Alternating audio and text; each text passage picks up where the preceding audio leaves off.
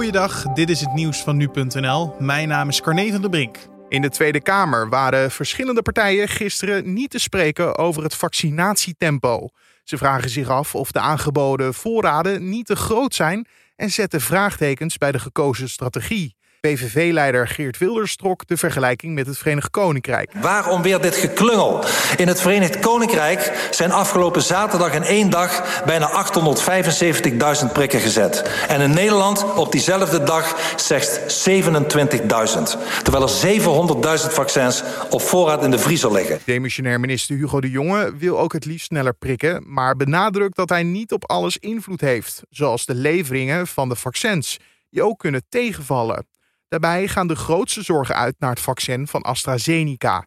Daar zijn flink wat issues met de levering. Al dus de jongen.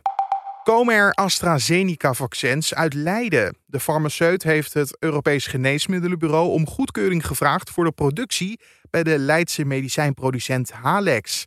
De producent maakt al sinds december vaccins voor AstraZeneca, maar de fabriek in Leiden moet eerst nog groen licht krijgen voor levering in Europa. Zodra het EMA een akkoord heeft gegeven, kan de levering van de eerste vaccins uit Leiden eind deze maand beginnen.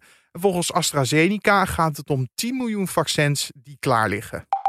De Olympische vlam in Fukushima is aangestoken.